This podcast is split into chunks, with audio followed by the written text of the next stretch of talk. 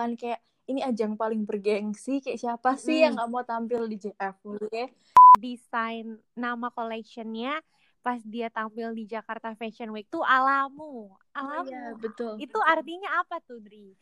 Gitu kalau bahasanya kayak bener-bener wow banget gitu kan. Kayak ya itu bu- bikin jadi mendorong diri sendiri aja sih buat do better lagi ke depannya.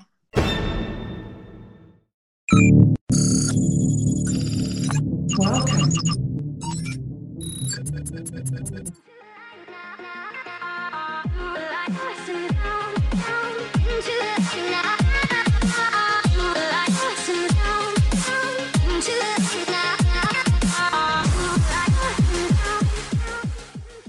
Factor Podcast.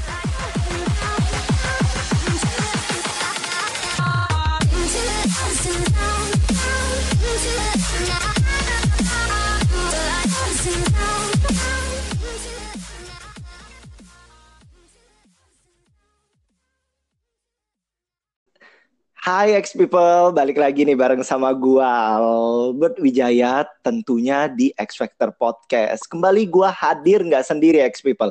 Kali ini gua bareng sama wanita-wanita cantik. Salah satunya rekan gua. Siapa dia? Kristi Natalia.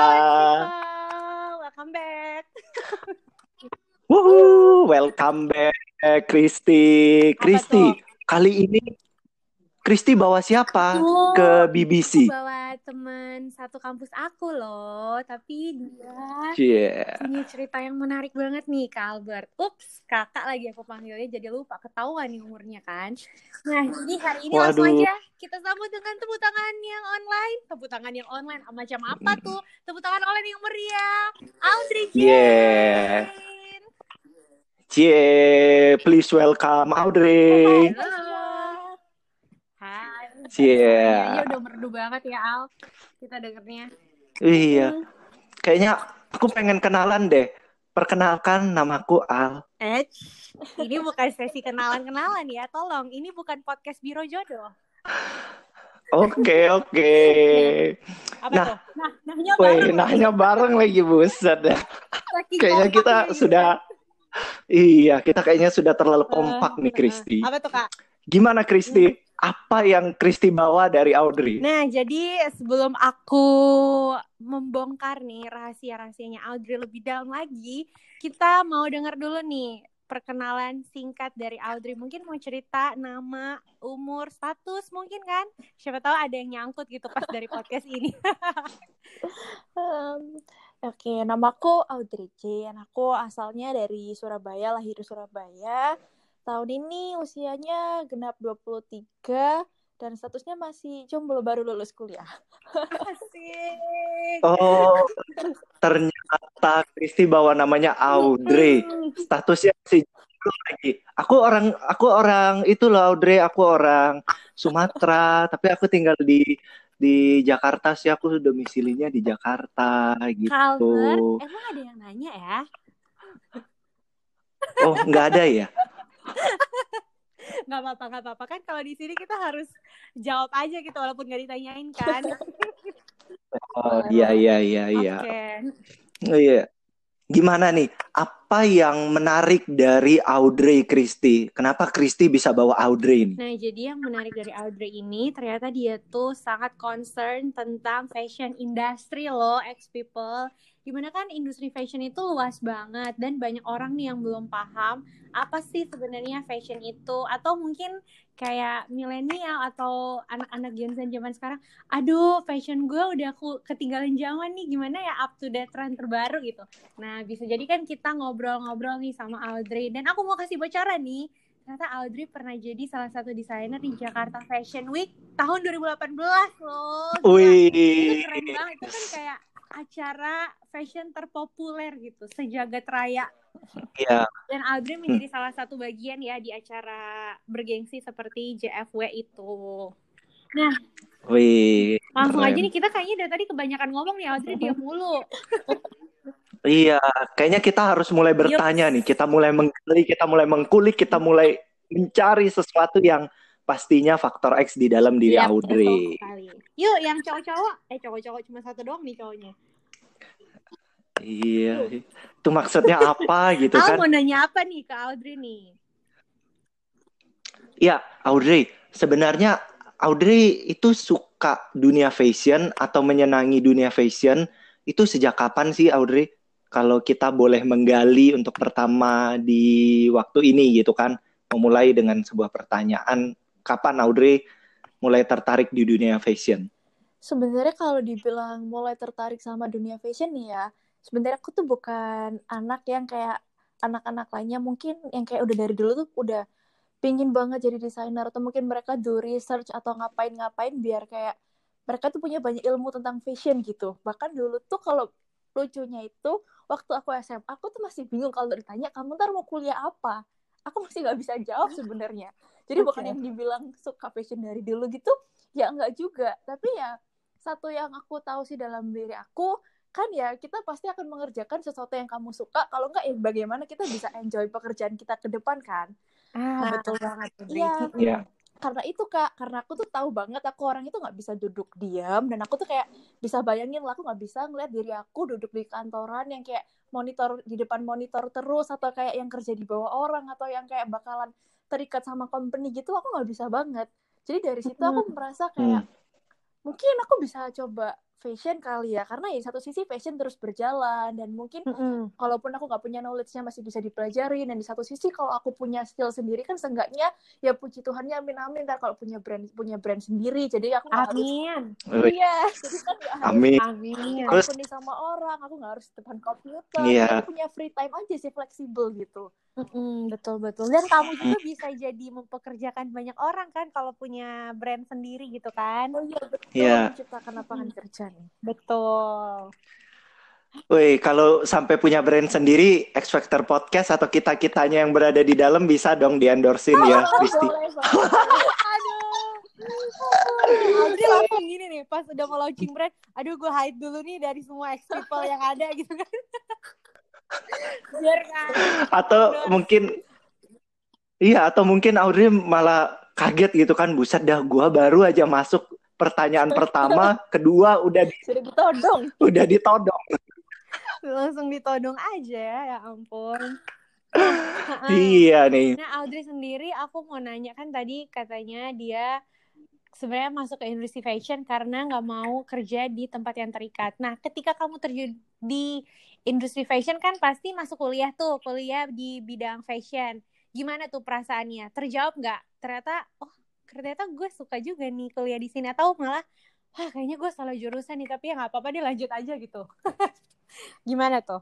kalau dari kalau ngomong salah jurusan, kayaknya aku percaya semua anak fashion pasti pernah mengucapkan kata-kata itu di tengah-tengah mereka mengerjakan tugas. Ternyata sama juga ya. Ada juga Iya. feeling-feeling kayak gitu. Ya, kayak berasa salah jurusan lah. Kayak, kenapa aku dari awal pilih ini sih? Kayak karena yang orang tahu tuh ya stereotipnya anak fashion kerjanya main mulu. Kenapa paling cuma apa sih? Bikin-bikin baju, foto-foto, jalan-jalan tiap hari kerja jalan-jalan. Padahal kalau mereka tahu ya ampun tugasnya itu seabrek kita nggak kalah sama mereka yang begadang dari pagi sampai pagi lagi itu kayak udah kerja rodi juga Kayak anak teknik gitu Iya. juga ya berarti ya. Iya, tapi ya Mm-mm. kalau diminati sih ya selama suka ya pasti asik-asik aja gitu kak. Kayak kerjainnya Mm. juga seneng dan ya pasti ya namanya kalau kuliah gitu kan ya nggak mungkin Hmm. terus apa nih tiba-tiba karena nggak suka atau karena berat doang terus jadi ditinggalin atau dibiarin nilai jelek kan ya pasti ya we'll do our best buat kuliah juga. Nah, betul banget. Iya, iya. Keren-keren. Yang aku denger nih dari cara Audrey ngomong, dia kelihatan anaknya semangat banget ya. Kayak bermotivasi yang tinggi gitu. Kayak dari tadi kita harus suka apa yang kita kerjain. Atau kita kerjain dengan hati yang senang gitu. Biar walaupun sampai begadang, sampai malam atau tetap happy Mm-mm. gitu kan. Mm-mm. Iya. Karena hati yang gembira adalah obat. Betul. Aduh, amin. Nah, Audrey, tapi kan tadi Audrey sempat cerita nih ke kita gitu kan kalau waktu SMA itu tuh berpikir gitu, gua itu mau ambil apa gitu kan, sempat memilih dan akhirnya terpilihlah jatuh kepada pilihannya itu adalah fashion. Mungkin bagi para wanita itu fashion tuh nggak nggak bukan sesuatu dunia yang Asing yang gitu. iya asing juga gitu kan. Tapi kan kenapa Audrey bisa tiba-tiba memilih oke, gua kayaknya fashion dulu deh. Bisa aja kan memilih eh, hitung-hitungan atau memilih dunia modeling, tapi lebih spesifik bahwa gua kayaknya fashion deh. Sebenarnya sih dulu aku juga sempat galauin kak, karena kan aku memang dari dulu sebenarnya tuh suka ya yang sejenis-sejenis prakarya gitu kan. Jadi dulu tuh Hmm. sempat galau antara mungkin mau masuk yang desain kayak The Cafe atau mungkin yang kayak desain tapi ke baju ini sempat galau. Mm-mm. Tapi akhirnya ya lama-lama aku pikir kayaknya mending fashion deh. Soalnya kalau misalnya The Cafe, mungkin kalau misalnya aku bisa basic Photoshop, kayaknya mungkin kalau ke depan aku punya basic Photoshop, mungkin aku masih bisa create something sendiri secara otodidak daripada fashion yang aku bener-bener butuh belajar lebih dalam gitu. Jadi akhirnya aku memutuskan fashion itu Hmm. sendiri. Oke. Wih, berarti spesifik ya bahwa desainnya itu sebagai desain fashion gitu kan lebih ke Desainer pada gitu ya. pakaian, Mm. ya lebih kepada pakaian gitu. Mm-mm. Audrey, waktu Audrey pertama kali itu eh, masuk di dalam dunia fashion, pernah nggak terfikirkan bahwa wah ternyata gue bisa ya masuk ke sini gitu. Pasti kan Audrey merasa memiliki tantangan gitu kan. Tapi pernah nggak terfikirkan bahwa wah ternyata gue bisa nih sebelum kita mengulik di sisi tantangannya ya Kristi. Mm-mm. Kita pengen tahu dulu, Audrey pernah nggak terfikirkan bahwa wah ternyata gue bisa juga ya. Ternyata gue selama ini gue menjalani ini ternyata bisa nih gitu. Pernah pasti kak. Itu awal-awal kuliah pasti kayak gitu. Karena dulu waktu aku masuk kuliah kan tadi aku bilang kan tuh SMA aja aku nggak ada kepikiran buat masuk sekolah fashion. Sementara waktu aku masuk kuliah ternyata tuh ada temen-temen yang udah pernah les ini, pernah les itu, tahu ini itu. Jadi aku masuk yang Hmm. kayak anak nggak tahu apa-apa, Hmm. kayak nol mulai dari nol gitu, nggak tahu cara jahit, nggak tahu cara bikin pola. Tapi ya buktinya I survive 4 tahun kuliah gitu dan kuliah tepat waktu berarti kayak oke, you did it, Trey. Nah, betul betul. Jadi motivasi tersendiri Mm-mm, gitu ya. yes. Mungkin bahwa mereka ternyata jauh lebih memiliki skill, terus sudah persiapannya lebih matang gitu kan. Tapi merasa ini enggak Audrey? Atau itu menjadi sebuah tantangan bagi diri Audrey?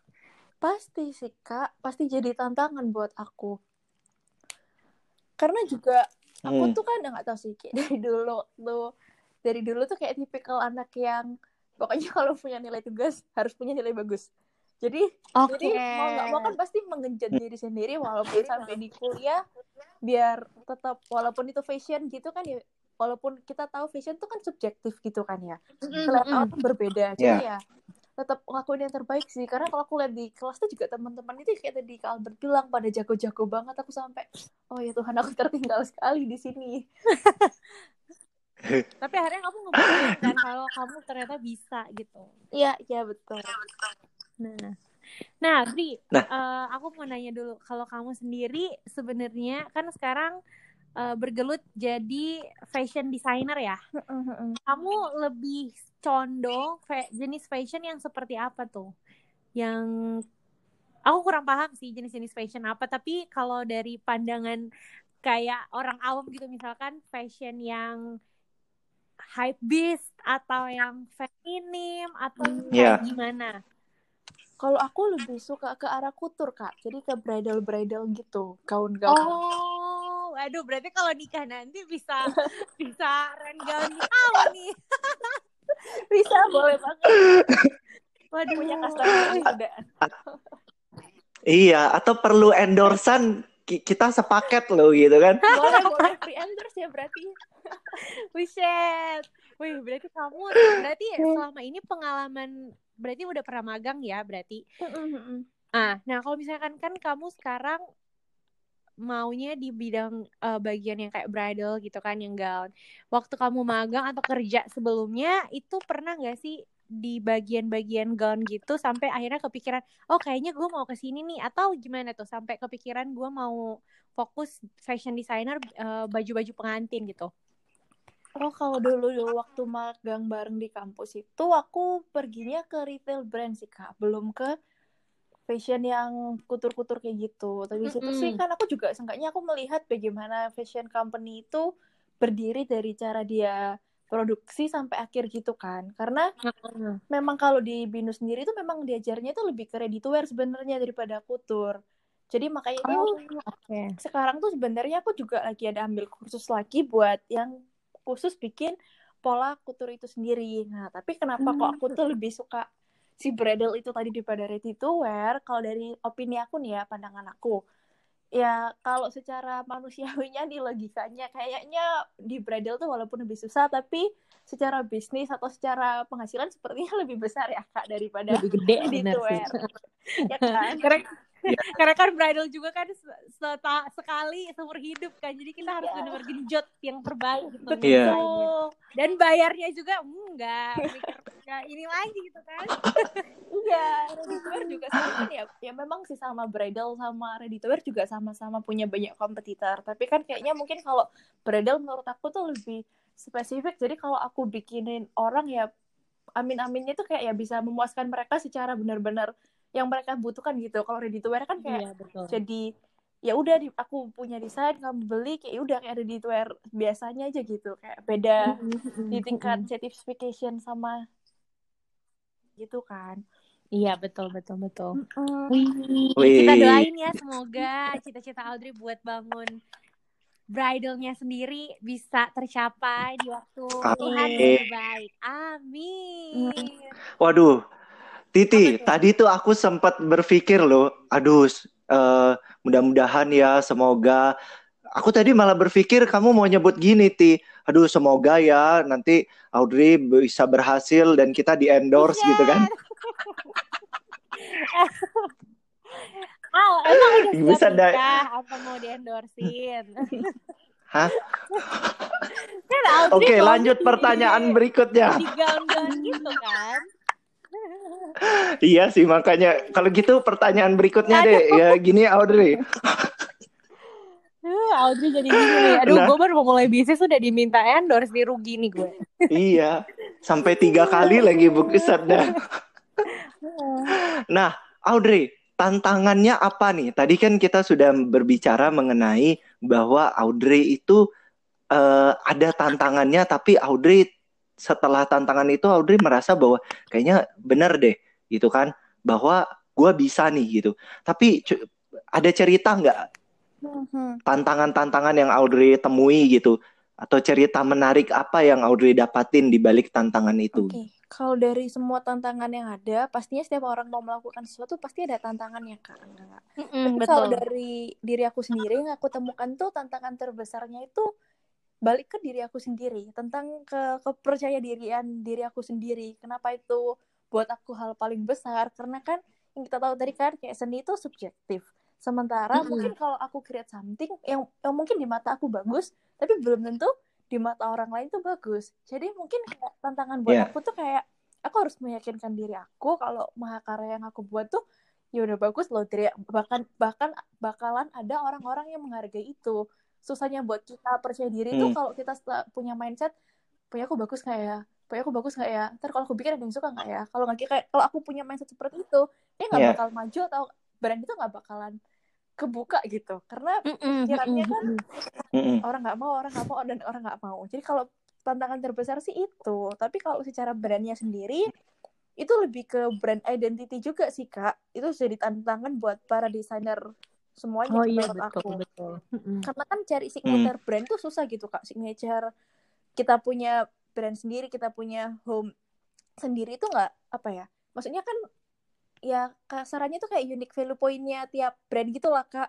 Jadi yang bikin fashion kita beda sama orang lain tuh apa sih yang ngebedain kamu tuh apa? Jadi kayak ya kayak yang aku bisa lihat itu kan juga ya nothing new in fashion gitu kan. Kayak ya semua udah ada kayak semua orang pernah bikin. Mungkin kalau kita punya ide terus kita kira itu kayak new idea padahal ternyata waktu kita browsing itu tuh udah ada Udah ada gitu. iya kan Mm-mm. lebih ke tantangan itu juga tuh gimana kita bisa develop itu mainin kreativitas lagi gimana biar yang ide yang ternyata udah ada itu bikin yang jadi nggak adanya itu apanya gitu jadi satu value di balik itu Mm-mm. Hmm. Berarti kita Iya. terjadi tantangan terbesarnya tuh kayak berpikir out of the box gitu ya biar bisa ngasilin ide-ide kreatif, gebrakan terbaru buat misalkan Audrey mau bangun brandnya sendiri gitu, biar berbeda kan Hmm. sama desainer-desainer yang lain gitu. Betul betul. Mm-mm, mm-mm. Audrey, tadi kan Audrey sempat cerita nih bahwa eh, tantangannya itu adalah kepercayaan diri. Tapi kan sebagai seorang yang kita mau merintis dari awal gitu kan, seperti Audrey gitu. Kita aja ya, Kristi, kita menggambar sesuatu gitu di kertas putih, pasti kita akan membandingkan kepada orang lain. Kita ngintip dulu nih, punya orang lain, wih gila, bagus ya punya dia gitu kan. Kalau kita waktu zaman sekolah loh gitu kan, kita melirik punya rekan kita gitu kan. Kalau enggak kita yang ngomong sendiri di dalam diri, wih bu, ini bagus nggak ya gitu kan.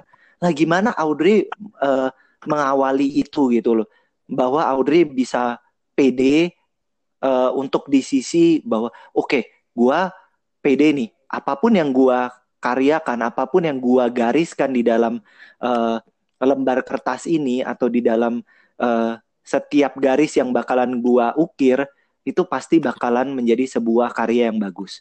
Gimana membangun kepercayaan diri itu, Audrey? Kalau bagaimana membangun kepercayaan diri itu menurut aku cukup dengan aku punya orang-orang di sekitar aku tuh yang support aku dan baik buat aku tuh itu udah lebih dari cukup gitu. Kalau mereka aja bisa support aku, mereka bisa menghargai aku, mereka bisa terus kayak ayo dari kamu bisa gini-gini gitu kayak ya aku nggak aku nggak perlu sejuta orang buat menghargai itu tapi kalau orang-orang di sekeliling aku aja Yes. udah bisa support menurut aku tuh hal kecil yang bisa bikin aku semangat gitu karena orang-orang terdekatku aja support aku ya bayangin kalau orang terdekat aja malah nggak support aku tuh bikin aku makin down kan jadi ya Iya, dengan aku punya mereka itu benar-benar ngebantu sih dan otomatis juga kalau aku boleh cerita sebagai orang Kristen di sini ya karena aku punya Tuhan aku percaya ya setiap apa pun yang aku kerjakan tuh juga Tuhan berkatin gitu loh. Jadi ya Iya, aku betul. percaya Mm-mm. kalau emang Tuhan udah izinkan aku jadi seorang desainer kan ya aku percaya ntar sisanya Tuhan yang campur tangan kan. Jadi ya kenapa aku tidak mengembangkan talenta yang Tuhan udah kasih daripada aku terus menguburnya dan malah terus menurunkan Malah nggak jadi berkat gitu aku. kan? iya Hmm. nggak dikembangkan talenta Iya. Betul, betul, betul. Mm-mm, mm-mm. Wih, keren Iya, ya. Aku sedap. mau ngomong apa. Iya, ada satu kalimatnya yang keren banget tadi tuh. Tidak butuh 100 orang yang mendukung kita, tapi cuma butuh orang yang di sekitar kita Yes, gitu kan. betul, Wah, is, Betul, keren betul, banget. betul. Karena kalau misalkan lingkungan terdekat kita aja nggak ngedukung kita tuh rasanya gimana gitu kan? Tiap hari Iya. atau misalkan tiap saat kita lebih sering ketemu mereka, tapi mereka nggak support kita pasti bebannya tuh lebih gede gitu dibandingkan orang-orang jauh yang Setuju. nggak ngedukung Hmm. kita. Makanya itu penting Iya. banget sih support dari keluarga, teman, sahabat, dan mungkin pacar. Tapi Aldi ini masih jomblo kan? Iya. Wah, kayaknya nanti deh habis selesai ini ya Audrey gitu kan. Iya, Ti. Boleh? Apa nih? Lanjut. Wah, Dri, eh, siap-siap ya, Dri. Pasang ini apa namanya? Heart shield. Kalau kalau kalau corona kan lagi face shield nih. Kamu pasang heart shield ya. Aduh. Ada ya. Aldi Nah. baper nih.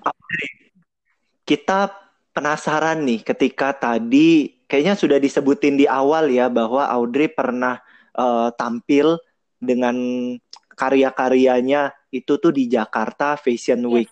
Itu boleh diceritain nggak? Kok bisa tiba-tiba Audrey masuk ke dalam situ, menjadi bagian di situ, dan ya dan lain-lainnya lah gitu. Pasti ada sesuatu yang menarik Hmm, gitu. Pasti pasti. Ya, ini tadi Kak Kirsti juga bilang kan kayak ini ajang paling bergengsi kayak siapa sih yang Mm. nggak mau tampil di JFW Mm-mm. Iya. Nah, jadi kalau di BINUS itu Kak, setiap tahunnya tiap apa per tahun per batch itu mereka tuh pasti open slot buat JFW. Jadi kayak memang tiap Oh. jurusan eh tiap jurusan tiap batch itu kan punya wad, eh, punya slot untuk masuk tampil di JFW atas nama Mm-mm. BINUS Northumbria School of Design kan. Nah, tapi yang menariknya tuh nggak semua murid boleh masuk, cuma dipilih 12 deh, 12 dari satu angkatan. Jadi misal satu angkatan tuh ada 20 orang, jadi ya 20 orang ini berlomba gimana caranya buat masuk ke JFW itu. JFW. Hmm. Wih, Itu ya sebenarnya aku juga sempet bingung sih, bukan bingung sih kayak karena kan dulu juga aku juga apa ya kalau aku ngeliat teman-teman lain tuh kayak mereka tuh karyanya lebih luar biasa. Aku kalau ngeliat karya aku tuh kayak tadi kayaknya nggak banget ya kenapa aku pilih ini ya kemarin setelah aku JFW pun aku bahkan bertanya diri aku sendiri Tuhan kemarin aku bikin apa aku sendiri malu tapi ya tapi yang menariknya sih ya ya aku percaya memang ya itu juga salah satu berkat Tuhan buat aku gitu kan ya. Siapa sih yang nggak pengen masuk JFB siapa sih yang nggak pengen itu jadi anggapannya masuk ke CV kayak atau kayak pengalaman Iya, betul. gitu Mm. kan. Iya. itu juga salah satu penyertaan Tuhan sih. Tuhan memudahkan semua jalan Tuhan kasih jalan-jalannya. Karena ya dulu banget tuh ya aku nggak tahu sih kak. Dulu tuh banget waktu aku SMA waktu lagi di acara doa gitu ada satu ya aku bilang apa dia paman kali ya. Kayak aku karena tuh nggak kenal kayak diundang ke acara Mm-mm, doa mm-mm. gitu. Di acara doa Mm-mm. gitu ada paman gitu kita lagi doa profetik gitu kan. Terus tiba-tiba waktu doa itu dia tuh bilang kayak gini nggak tahu sih waktu aku doa aku tuh lagi ngeliat kamu lagi ada di panggung besar gitu tapi aku nggak tahu itu panggung apa jadi waktu kuliah waktu kuliah waktu aku tahu ada JFW terus aku sampai aku jadi keinget doa orang itu gitu aku mikir Oke. Tuhan apakah Oh, iya. ini tuh panggung yang Tuhan bilang dulu apakah ini tuh janji Tuhan buat aku gitu kan ya aku nggak tahu ya jadi anak Oh, Tuhan iya. boleh lah GR dulu gitu kan Ya, ya, ya, ya. asal gearnya positif kan? iya betul nah iya tapi kan dari satu sisi karena aku tahu itu juga anggapannya kita lagi berlomba sama satu kampus nih satu teman-teman aku. Ya maksudnya aku juga nggak bisa menggampangkan itu kan walaupun let's say dapat doa dari Tuhan yang udah dikonfirm sama Tuhan tapi kan ya aku nggak tahu kenapa yang Tuhan maksud tuh panggung itu atau bukan. Jadi ya aku Mm, tetap. Mm-mm. lakuin berusaha gitu. iya tetap berusaha lakuin yang terbaik. Ya walaupun ya roller coaster lah waktu itu kayak benar-benar aku nggak ngerti harus gimana tapi ya eh Tuhan Tuhan memang tunjukkan kemurahannya gitu. Kayak wow ternyata ya janji Tuhan nyata gitu di terbukti waktu kuliah kemarin gitu kayak. Widih, tapi itu keren banget sih, Dri. Karena aku waktu itu kan pernah di, kan aku di Binus juga tuh yang di Senayan kan. Aku ngeliat kalau pas zaman JFW itu anak-anak fashion itu tuh sampai riuh banget itu bawa patung, bawa Betul. baju-baju, kayak sampel-sampel baju terus kayak bolak-balik gitu kan kan tinggal nyebrang doang kan kalau dari Iya eh, ya. Nancy kayak itu kayak Ih gila ini riuh banget sih Tapi mereka tuh kayak bahagia banget gitu Sumringah banget gitu lihat mukanya Naik turun lift gitu kan Hmm. Jangan-jangan Kristi waktu Salah satu yang aku ketemuin kali ya waktu ah itu Tapi baru mau aku ngomong. Iya iya, siapa tahu kan waktu itu Kristi melihat orangnya semeringah semeringah itu sa- salah satunya Al di situ. Nah, nih eh, Al, tadi kan aku baca-baca nih eh, perjalanan hidupnya Audrey di CV-nya dia. Terus di di sini tuh ditulis kalau desain nama collection-nya pas dia tampil di Jakarta Fashion Week tuh alamu. Alamu. Iya, betul. Itu artinya apa tuh, Dri? Jadi waktu JFW kemarin, jadi setiap JFW itu bakal ada mengangkat suatu tema atau suatu daerah dari Indonesia yang mau diangkat buat represent di JFW itu. Jadi tema besarnya gitu. Nah, Iya. kapan hari itu kita lagi ngomongin tentang Wakatobi. Oh, oke, Nah, oke. Oke. Jadi kan kalau di JFW itu juga di Binus tuh dipartnerin gitu kan, berdua berdua berdua gitu. Nah, jadi aku sama partner aku kita tuh sama-sama mengambil suatu apa ya elemen-elemen dari alam, suatu elemen dari alam, suatu yang kita kalau aku tuh ngambil kayak bunga-bunganya dari mereka gitu. Kalau temen aku tuh lebih ke alam juga, jadi kayak dia tuh warnanya lebih yang kayak earth tone banget gitu loh. Oke, heeh. Nah, jadi kayak ya kita Hmm. dapat kata alamu itu dari salah satu kata bahasanya mereka juga gitu. Kita browsing-browsing aja apa sih kayak nama kece buat co- collectionnya gitu. Oke, Iya. oke, heeh. Itu ada artinya Mm. sendiri nggak, Dri? Alamu itu? Ada ada, tapi aku lupa banget tuh apa ya arti alamu. ada ada. itu tuh kayak aksen dari Wakatobi gitu ya? Mm-mm. Hmm. Itu ya bahasa Bahasa bahasa daerahnya bahasa, gitu. daerah betul. Hmm, oke oke. Berarti emang kalau desainer tuh harus punya kreativitas tingkat tinggi ya. Kayak dari sampai kepikiran gitu, oh nyari Wakatobi, tanaman, kayak atau misalkan bahasa-bahasa daerahnya yang bisa dimasukin jadi desainnya dia gitu. Mm-mm. Wow. Sampai namanya aja itu tuh di di search banget, dicari banget ya Mm-mm, titik. mm-mm, betul. Luar biasa loh. Keren, keren, keren. Nah, Dri, aku pengen nanya nih, gimana tuh perasaannya pas jalan di panggung JFW bawa desain kamu sendiri gitu? Perasaannya gimana tuh, Dri? Deg-degan, bahagia atau gimana? Deg-degan banget sih. Karena ya apa semua yang terlihat di show kalau kita lihat di depan layar tuh yang fashion show-nya tuh kayak bagus gitu ya kayak kelihatannya semua jalan well well gitu. Tapi kalau kita tahu backstage situation tuh kayak ganti bajunya itu cepet banget yang kayak alur waktu kita bisa ganti baju cuma dua menit dari pergantian yang show sebelum apa tema teman sebelumnya ke kita tuh kayak ganti dua menit harus cepet. Itu kayak bajunya udah bagus belum sepatunya bener belum kayak terus kayak tiba-tiba mereka udah jalan tuh kayak banget sih kayak aduh ini udah di resleting loh ya ternyata udah jalan aja tuh ke depan. Iya takut terlalu gimana gimana? Gitu kan. Wah uh, aku kan masih awam nih. Aku nggak tahu Titi ngerti atau enggak nah ketika itu pergantian itu Audrey yang memakai pakaian Audrey sendiri. Maksudnya karya Audrey Audrey yang uh, pakai sendiri atau memang ada model model tersendiri nih? Oh ada model. Yang buat jalan di catwalknya tuh model pastinya Hmm, hmm. Nah itu Audrey yang mencari atau maksudnya itu itu memang udah dipilih dari JFW sendiri nih? Dipilih dari JFW, terus nanti ada bantuan dari dosen-dosen di BINUS buat kayak cocokin looknya kita sama apa looknya si model itu sendiri gitu. Hmm. hmm. Gimana ti mau jadi model? Waduh, waduh, hands up deh aku kalau jadi model. Nggak bisa pakai heels.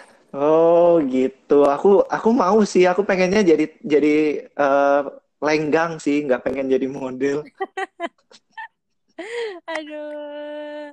Audrey ini keren banget ya. Ternyata inspiratif banget hari ini. Aku baru kali ini loh ketemu teman ketemu orang yang ternyata dia tuh salah satu desainer yang tampil di Jakarta Fashion Week gitu. Karena biasanya kan kalau lihat Jakarta Fashion Week tuh cuman di Instagram lihat artis-artis gitu kan yeah. atau desainer-desainer terkenal yang emang udah punya nama lenggak-lenggok eh kalau tanya sekarang kita bisa ketemu nih sama salah satu orang yang pernah uh, menjadi bagian di Jakarta Fashion Week gitu. Nah kalau gitu Audrey boleh nggak kasih sesuatu nih Audrey apa yang Audrey dapatkan gitu dari pengalaman Audrey di JFW itu melihat desainer-desainer yang pasti sudah bukan papan bawah, bukan papan tengah, tapi papan atas ini kan. Apa yang Audrey dapatkan selama di situ gitu? Pastinya itu jadi apa ya? Jadi motivasi tersendiri gitu sih, kayak lebih ke wow, kayak mereka tuh bisa menampilkan yang benar-benar fafafum gitu kalau bahasanya kayak benar-benar wow banget gitu kan. Kayak ya itu bikin jadi mendorong diri sendiri aja sih buat do better lagi ke depannya. Nah mungkin Audrey mau kasih tips atau pesan motivasi nih buat teman-teman yang lagi berjuang kuliah misalkan di fashion atau ada keinginan mau terjun juga nih di di Jakarta Fashion Week, mungkin apa nih yang bisa disampaikan Audrey buat teman-teman yang di luar sana yang mungkin kebetulan dengerin X Factor podcast gitu? Ya sebenarnya sih kuncinya cuma jangan menyerah sih menurut aku kayak nggak ada mm -hmm. lagi karena ya kalau memang itu impian kamu ya you will do anything to get it kan yes ya, betul banget jangan mm -hmm. jangan menyerah aja sih sama kayak tadi kayak balik ke diri aku sendiri harus percaya diri sama apa yang kamu buat. Gitu. Betul sekali gila kita kasih tepuk tangan online dulu nih buat Audrey nih. Wih, keren ya. Keren banget, keren. Nah, Audrey, uh, apa nih ke depannya Audrey ini uh, apa lagi nih? Mau menggebrak apa lagi nih sebagai seorang desainer fashion gitu kan? Gebrakan apa yang Audrey akan lakukan? Mungkin kita akan tunggu sama-sama ya, hmm, Kristi. Betul, betul. Kita pasti akan tetap mendukung pun ex people semua yang dengerin podcast ini kita sama-sama nanti kita akan tag di Instagram Audrey sendiri. Kita akan tunggu nih gebrakan Audrey selanjutnya di dunia fashion. Apa nih Audrey? Mungkin bisa dibagikan atau masih dalam uh, proses yang nanti deh gitu. Pasti ada sesuatu gitu kan? Masih proses sih kak. Karena kan kan aku yang tadi aku sempat mention juga kalau aku tuh lagi kursus nih yang dibikin pola bridal itu. Mm-hmm. Nah, jadi sebenarnya tuh buat building my own brand itu kayak aku bener-bener masih apa ya masih nol putul gitu lah kayak masih belum planning gimana gimana juga pinginnya sih start lebih cepat tapi ya ini lucunya itu ya ya kemungkinan sekarang kan juga lagi covid juga kan jadi ya, kayak, betul Nah, kalau misalnya mau bikin fashion brand itu juga butuh modal yang gede gitu kan. Ya rasanya kalau aku bikin sekarang tuh bukan nggak memungkinkan sih, tapi menurut aku tuh mungkin nggak sekarang, mungkin harus aku tunda dulu. Jadi sekarang itu aku sedang melakukan hal-hal lain yang gak ada hubungannya sama fashion tapi aku mencoba menabung buat bikin modal nanti Oke. bikin fashion brand itu. sebenarnya ini Mm-mm, salah satu cara juga ya buat membangun bisnisnya sendiri dengan ngumpulin modal gitu kan, iya Ya, betul Kan ya ya uh, diambil aja ntar mungkin bikinnya yang open PO open PO kayak macam apa aja ya Jadi inget putih nih gue. ya maksudnya kayak uh, bikin custom dikit-dikit kecil-kecil gitu kali ya mungkin belum yang secara brand banget gitu mungkin ya sambil Iya, merintis Betul, mm-mm. betul, betul. Wih, keren ya. Kita bakalan terus mensupport nih Audrey eh, untuk terus berjuang, Amin. terus mencari sesuatu yang nantinya kita akan ketemu Audrey itu bisa aja kita nantinya Titi kita ketemu Audrey itu di eh, JFW yang dia sudah menjadi seorang desainer yang keren banget. Mm-mm. Terus kita apa Audrey gitu kan? Uh. Dia melihat kita, woi itu keren banget gitu Terus kan? kita dikasih kesempatan buat ngasih bunga di tengah panggung asik Oh. kayak di kayak kayak di apa desainer-desainer yang lain kan tiba-tiba artis Iya. gitu, naik panggung ngasih bunga selamat gitu Iya. Atau enggak kita diberi kesempatan untuk mencoba desain yang di- dibuat sama Audrey. aduh amin amin buat Audrey ke depannya Eh, dan semoga Audrey juga tetap kayak tadi Audrey bilang mindsetnya harus bener ya karena Hmm, betul. tantangan tuh pasti tetap selalu ada nih teman-teman nggak mungkin hidup kita enak-enak aja tapi kalau mindset kita pas jatuh gitu mindset kita pun ikutan jatuh ya berarti kita udah nyerah sama keadaan gitu tapi kita harus tetap semangat punya mindset yang positif supaya dalam tantangan apa pun kita tetap berjuang. Oh. Yes, luar biasa. Thank you banget ya Audrey. Eh, udah thank you aja. Titi, ada lagi Titi? Aku nih, ini dulu nih, kan tadi Audrey udah cerita panjang lebar. Mungkin ada ex people yang mau kenalan Audrey gitu kan, mau cerita, aduh Audrey tuh sebenarnya kegiatan sehari-hari tuh ngapain sih? Mungkin Audrey mau sharing eh, media sosialnya, Instagram mungkin, Twitter, Facebook atau apa gitu yang bisa di follow sama ex people. Boleh nih dikasih tahu. Dan mungkin siapa tahu ya Titi Betul. eh, di balik ini semua gitu kan, siapa tahu nanti ada yang men terus tiba-tiba tertarik nih pengen melihat karya-karyanya Audrey dan ujung-ujungnya siapa tahu itu bisa menjadi peluang tersendiri bagi Iya, Audrey. betul betul. Sebenarnya aku tuh nggak pernah upload karya aku ke media sih. Teman-teman aku juga tanya aku kenapa nggak pernah upload. Nggak apa-apa, Andri. Mungkin personal IG-nya kalau mau di-sharing gitu kan. Oke oke, jadi promo diri sendiri ya. Ah, ah, promosi diri sendiri nggak apa-apa.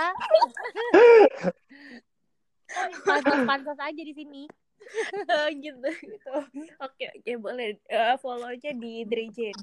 D R double E dan J A N E E gitu Drejen. Nah, tuh, tuh ex people langsung di follow buru ya, buru. Iya iya.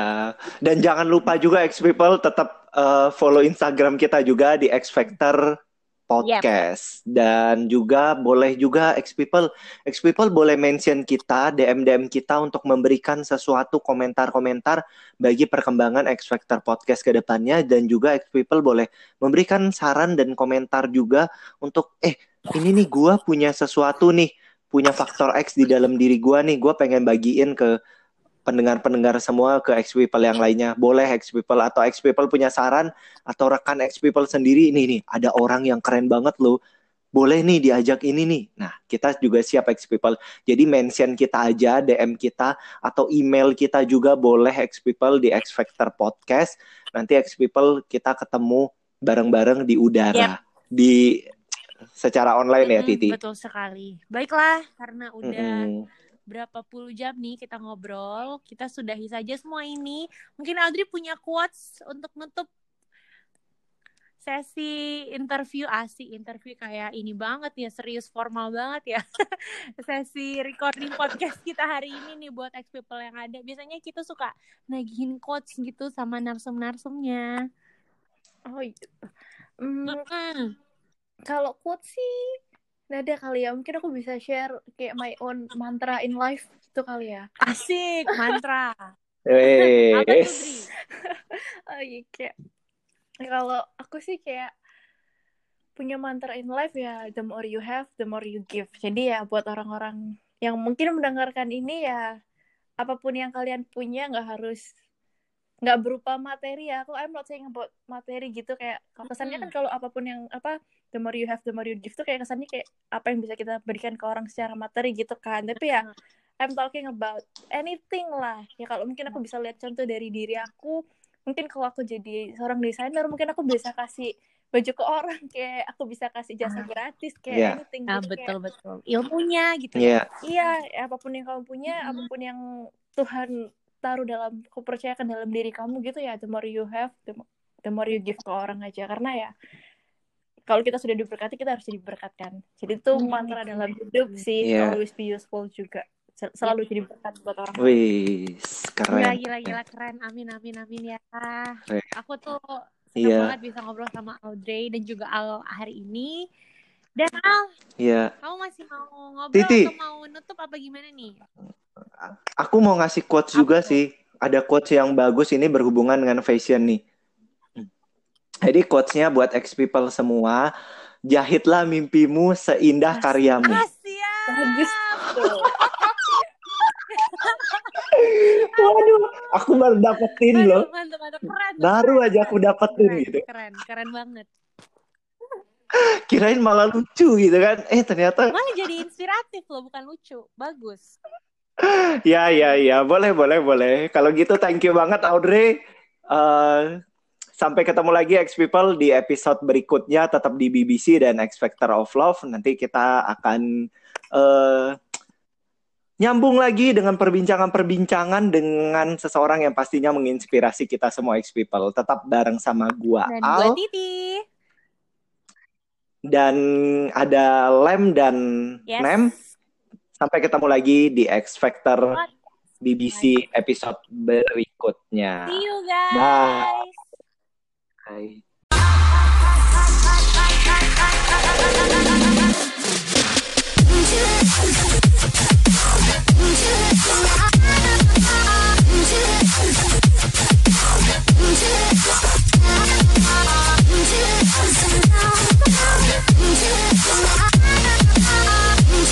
Cause I'm out, out,